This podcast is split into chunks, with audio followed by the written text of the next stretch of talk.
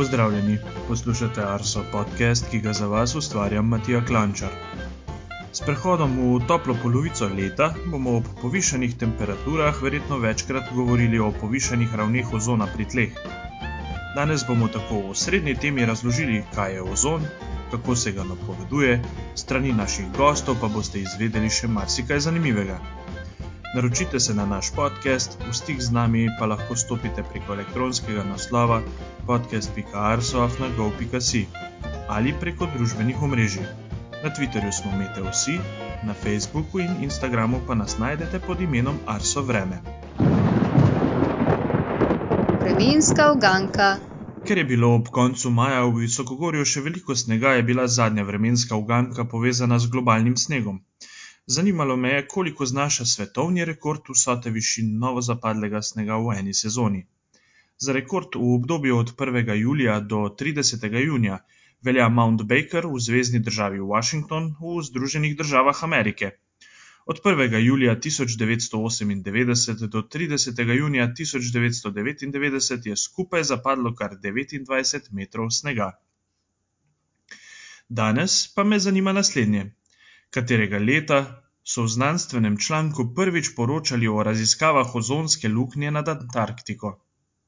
Odgovore nam pustite v komentarjih na Facebooku, na Instagramu, na Twitterju ali pa nam jih pošljite po elektronskem naslovu podcast.arsof.gov.si. Osrednja tema. Danes se v srednji temi selimo na področje povezano z zrakom. Naša agencija namreč skrbi tudi za meritve koncentracije različnih snovi v zraku. Te pokažejo, kakšno je stanje kakovosti zunanjega zraka na določenem območju. Če so v hladni polovici leta bolj v spredju delci PM10, žveplov dioksid in druga onesnaževala, se v topli polovici leta sodelavci ukvarjajo predvsem z meritvami in napovedmi ozona pri tleh.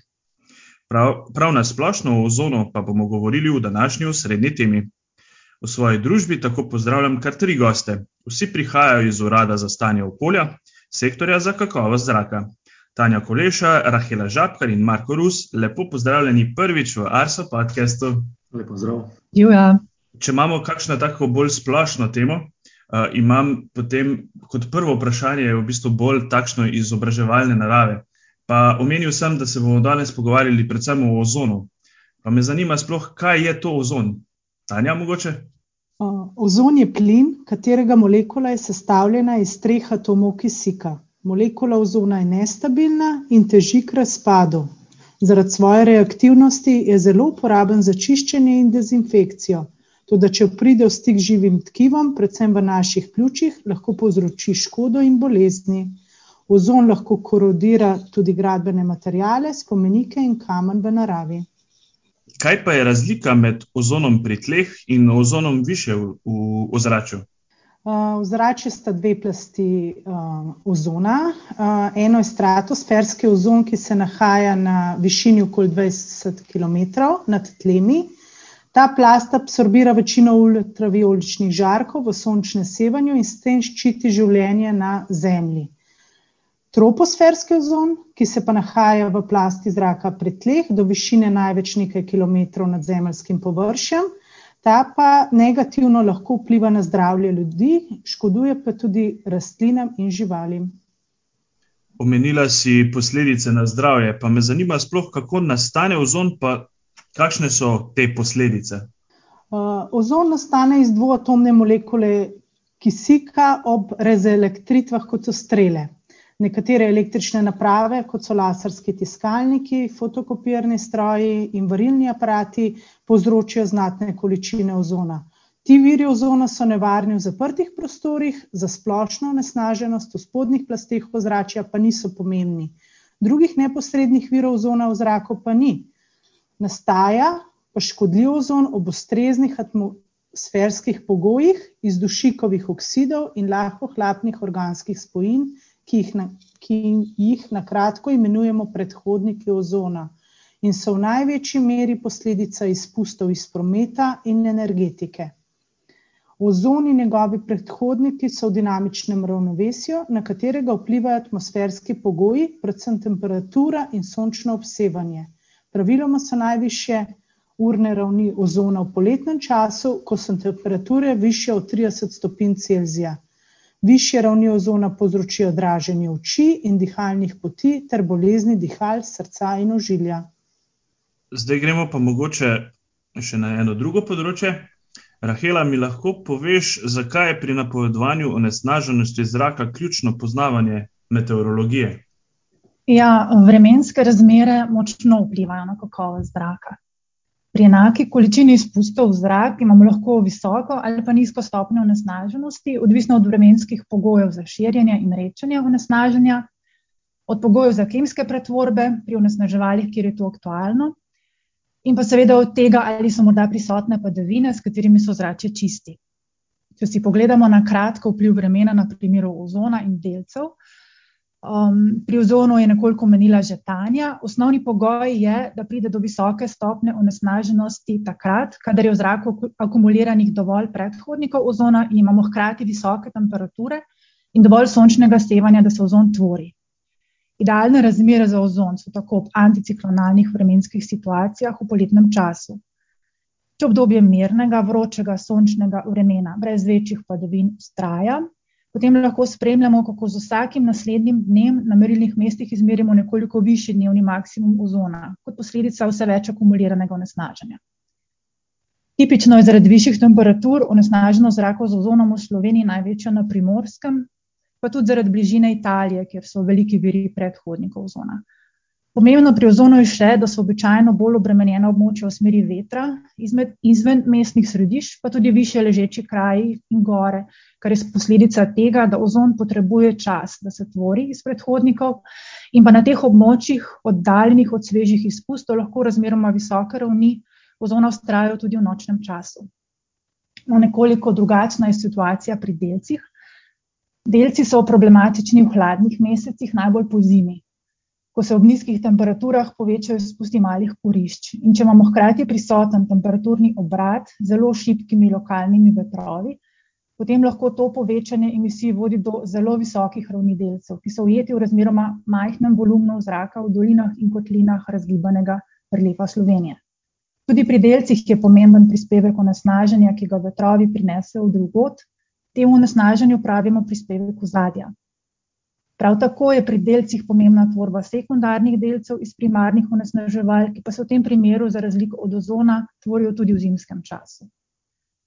No, in da zaključim glede vpliva vremenskih razmer. Gledano samo z vidika kakovosti zraka bi si želeli raje več kot manj vetrovnega in deževnega vremena. Ali pa vsaj spremenljivega. To se pravi, da zdaj pretekli meseci so dobro vplivali na, na, na, na samo onesnaževala ali pa manko onesnaževal v zraku. Rahela, kje pa imate v bistvu, kje se srečujete z največjimi izzivi pri napovedovanju? Ja, izzivov je seveda kar nekaj. Negotovi smo recimo, kadar je na vidiku sprememba vremenske situacije, pa ni povsem jasno, kdaj bo do spremembe prišlo in kako hitro bo, ta učinek viden na kakovosti zraka. Ali pa vemo, da se bo ozračje umirilo, vendar je potem od lokalnih vetrovnih razmer in od lokalnih emisij odvisno, do kolikšnega povišanja onesnaženja bo prišlo in ali bodo morda kje izmerjena tudi preseganja. Nemogoče pa recimo napovedati nenadna povišanja onesnaženja, ki so posledica nepričakovanih visokih emisij ali lokalnih pojavov. V pomoč pri napovedovanju so nam modeli, ki imajo pa tudi svoje omejitve. Zaradi omejene prostorske ločljivosti na primer ne razpoznajo ozkih dolin in kotlin in posledično s tem povezanih, lokalnih vremenskih dogajanj. In to je ena od težav pri napovedovanju delcev. Naslednja težava so negotovosti emisij, ki jih model potrebuje v visoki prostorski in časovni ločljivosti in jih za ta namen izračunamo iz ocenjenih emisij v v prejšnjih letih. Seveda lahko dejanske emisije potem bistveno odstopajo od vnaprej ocenjenih v modelu. To je recimo eden od možnih vzrokov za sistematične pocenitve ali precenitve onesnaženja na posameznih območjih. In seveda potem kaotičnost vremenskih in drugih procesov v ozračju, ki pa je razlog, da napovedane lokacije maksimumov in minimumov onesnaženja v modelu niso nujno na pravem mestu oziroma nastopijo s časovnim zamikom. No, kljub omenjenim Omejitvam pa predstavljajo modelski izračuni izjemno dodano vrednost z napovedjo prostorske in časovne dinamike onesnaženja. In bi na tem mestu tudi omenila, da smo v teh dneh našo dosedanjo napoved ozona za javnost nadomestili z modelsko napovedjo. Doslej smo namreč pri ozonu napovedovali razrede onesnaženja za posamezna območja na podlagi meritev in modelov. V teh dneh pa smo pričeli z izdajanjem modelske napovedi modela K-mix, sklopljenega z meteorološkim modelom Aladin. Na naših spletnih straneh prikazujemo modelsko napoved ozona za tekoči naslednji dan za Slovenijo in sosednje regije. Vloženega je bilo veliko truda, da smo do te napovedi prišli, zato smo nanjo ponosni in res upamo, da bo zanimiva in uporabna čim širšemu krogu ljudi. Seveda bomo modelsko napoved prihodnje nadgrajevali, načrtov imamo veliko. Mi radi pri podcastu v bistvu dodajamo tudi linke zraven, zanimive povezave, recimo, in definitivno je ta napoved ozona ena izmed tistih povezav, ki jih bomo v bistvu ob današnjem izidu, to se pravi v sredo, jih boste lahko poslušalci tudi videli in na naših družbenih omrežjih in pa potem ob samem podcastu. naša agencija je v bistvu poklicana oziroma njeno delo je tudi to, da se izdaja opozorila javnosti. Zdaj, pred časom smo recimo veliko povedali o izdajanju opozoril iz področja vremena pa hidrologije. Kako pa je to kaj pri stanju okolja, Tanja? zdaj v poletnih mesecih, ko pričakujemo visoke vrednosti ozona, dežurni na našem sektorju dnevno spremlja te ravni na vseh merilnih mestih po Sloveniji, in če je presežena opozorilna ali pa izda opozorilo. opozorilna vrednost za ozon znaša sto osemdeset mikrogramov na kubični meter, alarmna vrednost pa dvesto štirideset. Opozorilo se objavi na spletni strani agencije, po elektronski pošti pa ga pošljemo tudi na več naslovov, med drugim tudi različnim medijem, z namenom, da obvestilo doseže ogroženo prebivalstvo. Kaj pa v primeru rdečega opozorila za visoke koncentracije ozona? Kako se lahko tudi prebivalci odzovejo oziroma pripravijo na to? Verjetno takrat želite, da se bolj zadržujemo v zaprtih prostorih. Seveda, v opozorilu o teh preseženih vrednostih, to je že pri oranžnem opozorilu, javnost obvestimo, v katerih predelih Slovenije se povišane vrednosti ozona nahajajo in koliko časa pričakujemo, da bodo take vrednosti tudi vztrajale. In hkrati s tem tudi priporočila za ravnanje. vrednosti ozona, ki presegajo to opozorilno vrednost, dražijo sluznico in dihala, zato priporočamo, da ljudje s kroničnimi boleznimi dihal in krvnega obtoka v tem času ostanejo v zaprtih prostorih, kjer je raven ozona nižja. Rada bi poudarila, da umik pred soncem v senco dreves ne pomeni umik tudi pred ozonom. v tem času tudi zdravim ljudem priporočamo, da se izogibajo naporov v času trajanja pač teh visokih vrednosti. omenil sem, da smo danes štirje v studiu, v improviziranem studiu. Marko, tebe še nismo slišali, pa te zdaj vključujem v tole zadnje vprašanje. zanima me recimo, če lahko mogoče opišeš kakšne zanimive dogodke, povezane z ozonom iz preteklosti. Ja, seveda. Preden bi opisal pa orisal ta dogodek, ki ima tudi za mene neko čustveno noto, se pa spodobi in je pravično, da mogoče par besed namenim situaciji, ki je večinoma bila prisotna, ko pač dežuren opravljal svoje delo.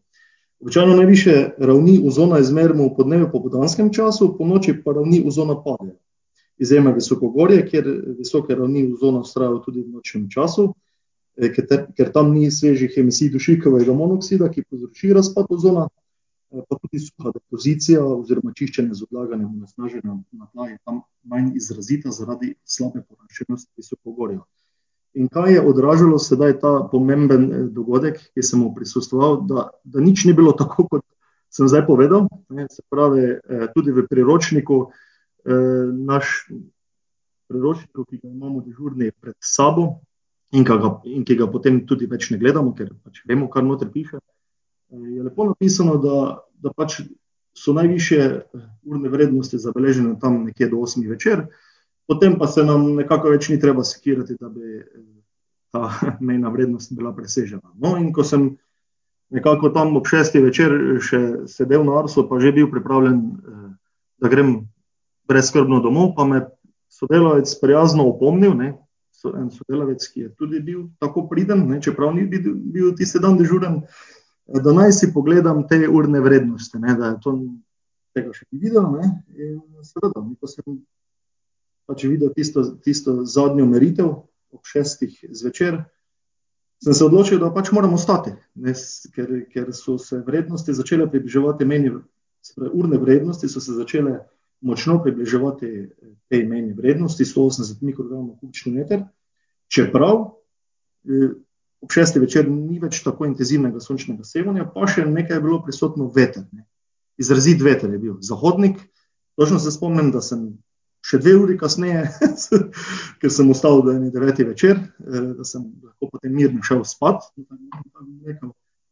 je bil močan veter, približno trideset kilometrov na uro so meritve kazale, mogoče zaradi tega se tudi ni tako ohladilo, tistega dne, to je bil triindvajseti junij, toliko, da omenim, ne vem, katerega leta je bilo, ampak vem, da je bil triindvajseti junij, takrat je tudi dan najdaljši.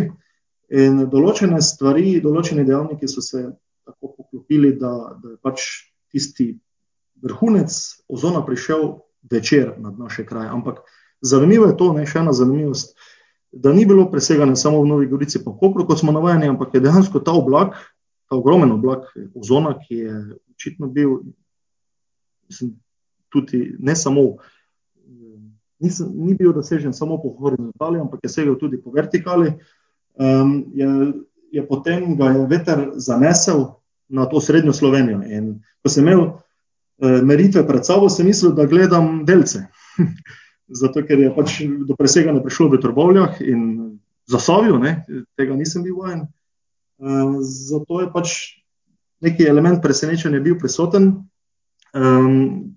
kasnejše analize so sicer pokazale, da se je ta ozon spohal malce kasneje in ga ni tako požrlo, kot smo pričakovali, ampak je pa bil rahel šok, no, tisti dan oziroma tisti večer je pa bil rahel šok. Saj smo si potem znali razložiti, zakaj in kako, ampak ta dogodek je bil zares edinstven in neki osamelec med temi našimi epizodami, sočnimi epizodami. Ja, res, zelo zanimiv zaključek našega pogovora, na tem mestu se tudi, zahvaljujem vsem trem za to, da ste sodelovali v podcastu, za vaš čas, pa verjamem, da se bomo znova še kaj hitro srečali in mogoče, kaj več povedali tudi o, o delcih, ki so bili večkrat omenjeni v našem pogovoru. Hvala. Hvala. Hvala lepa. Hvala tudi tebi. Obeti. Danes je vremensko napoved za naslednje dni pripravila Veronika Hladnik za Kotnik. Tudi pretekli teden ni šlo brez krajevnih ploh in neviht, so pa bile temperature končno primerne letnemu času. Kmetje in vrtičkarji so le uspeli opraviti nekaj opravil na poljih, njivah in travnikih. Junij pa marsikoga zvabi že na morje. Temperatura morja je v preteklih dneh že dosegla triindvajset stopinj Celzija. Kakšno vreme pa nas čaka ta teden? Žal bo še vedno spremenljivo in nestanovitno. Naši kraji bodo na obrobju šibkega območja visokega zračnega tlaka. Dopoldnevi bodo povečini sončni, sredi dneva in popoldne pa bodo nastale plohe in nevihte. Te bodo pogostejše predvsem četrtek in petek. Temperature bodo še naprej primerne letnemu času. Jutranje bodo med deset in petnajst, najvišje dnevne pa okoli petindvajset stopinj Celzija. V začetku prihodnjega tedna se bo iznad zahodne Evrope k nam razširilo območje visokega zračnega tlaka. Verjetnost za padavine bo od ponedeljka naprej, kot kaže, precej majhna. Sonca še naprej ne bo manjkalo. Vremenske zanimivosti.